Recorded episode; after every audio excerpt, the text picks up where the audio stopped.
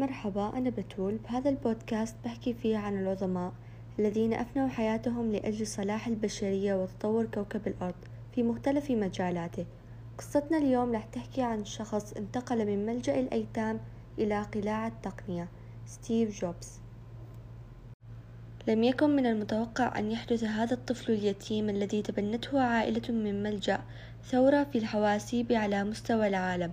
ما جعل الاستغناء عنه يكاد مستحيلا. ولد ستيف جوبز في فبراير عام 1955 في كاليفورنيا التي شاء الله أن تكون صناعة الحواسيب الآلية فيما بعد.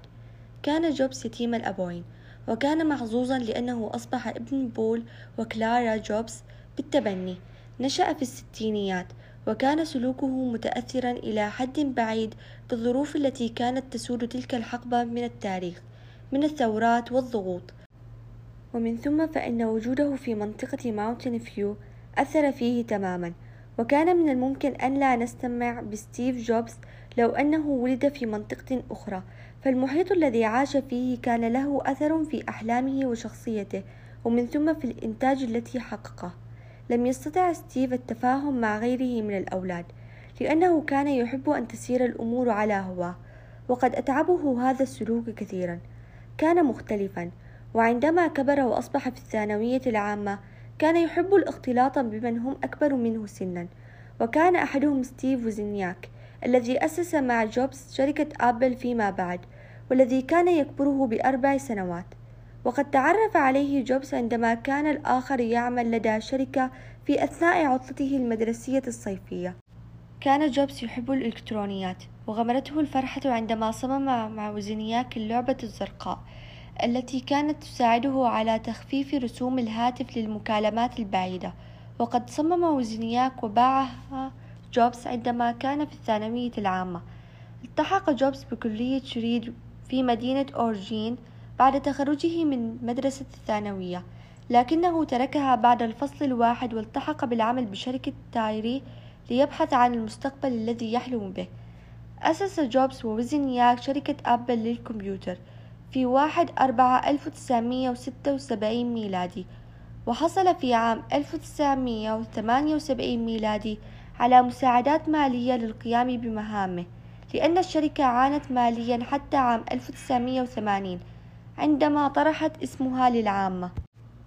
استطاع جوبز أن يغير نظرة الخبراء عن الكمبيوتر الشخصي الذي يعده معظمهم وبينهم ال IBM جهازا للمثقفين والهواة ولا يمكن أن يجذب عامة الناس. ولم يهتم جوبز ووزنياك بأحد.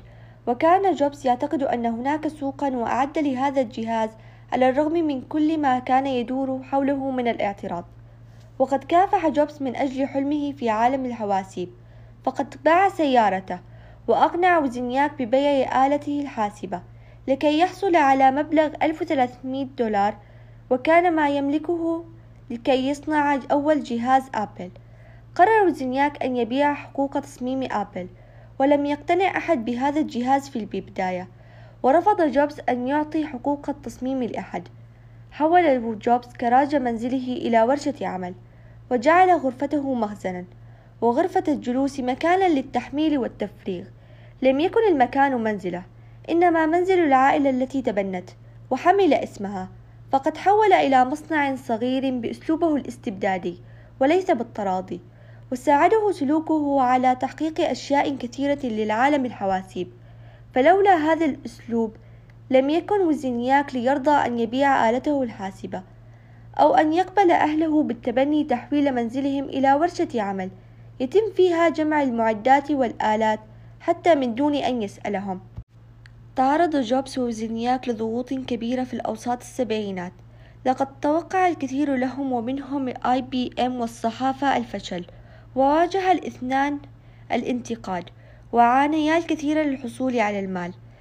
تم تطوير آلتهما وتسويقها في ظل ظروف واعتقاد سائد بأنه ليس هناك سوق للكمبيوتر الشخصي. رفضت جميع الكبار في صناعة الكمبيوتر قبول عروض وزنياك لتبني فكرة أبل. حتى نولان بوشنر مخترع آلة الفيديو ومؤسسة شركة أتاري رفض فكرة أبل تماما ولم يقتنع بها أبدا على الرغم من أن وزنياك عرض عليه شراء شركة أبل في بدايتها للحصول على دعم مالي. لكن بوشنار رفض. لم يكن للشابين خبرة كافية وعلم يهتدى به. إذ لم يحصلا على شهادة جامعية إلا أن ذلك شكل عكس ما يبدو ميزة حيث أنهم مدوا تفكيرهم إلى أماكن لا تصل إليها أفكار الخبراء خاصة أنهم لم يأخذوا في الحسبان الأخطار التي ربما سيواجهونها ولم يهتموا بأقوال المثبطين والقائلين بعدم وجود سوق للحواسيب الشخصية بل اتبع جوبز حدسه ذلك الحدس الذي غير عالم الحواسيب إلى الأبد وأدخله نادي أصحاب المليارات. كانت إدارة جوبز هي التي أثبتت للجميع أنهم على خطأ وغيرت الطريقة التي يتعامل بها الجميع مع الكمبيوتر الشخصي. فقد باعت أبل 13 ألف جهاز وعام 1982 تم كتابة 14 ألف برنامج كمبيوتر لأبل وحكمت أبل العالم مدة من الزمن. دخلت أبل سوق الأسهم وبيع السهم ب 22 دولار. وكان أفضل عرض منذ أن دخلت شركة فورد سوق الأسهم عام 1950 ووصلت مبيعات أبل إلى 7 مليار عام 1992 وكان هذا بفضل الله ثم بفضل بصيرة ستيف جوبز ودعم ستيف وزنياك على الرغم من الاختلاف بينهما. فوزنياك كان طالب هندسة ترك الجامعة في بدايات عام 1970 ليتزوج. بينما كان جوبز يتيما ولم يكن لديه أي ثقافة أو خبرة تقنية سوى ستة أشهر قضاها في شركة أتاري. ولم يكن لدى الاثنان أي خبرة في إدارة الأعمال بينما أسس شركة أبل عام 1976 ميلادي. ظل ستيف جوبز أعزبا حتى أصبح عمره 34 عام.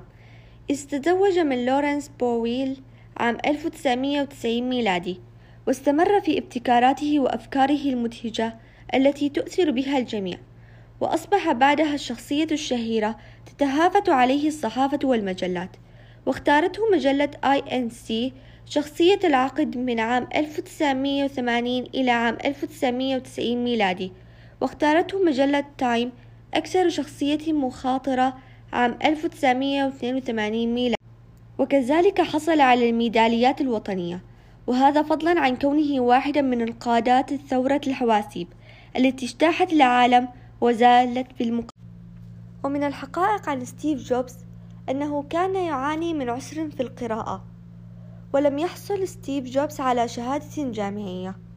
وحصل ستيف جوبز على 141 براءة اختراع جديدة بعد وفاته. وسيرة ستيف جوبز هي من أكثر الكتب مبيعا في تاريخ موقع أمازون. وبكذا نكون وصلنا لنهاية الحلقة. أتمنى تكونوا استمتعتوا. لا تنسون تشتركون في البودكاست وتشاركونا مع أصحابكم ومع السلامة.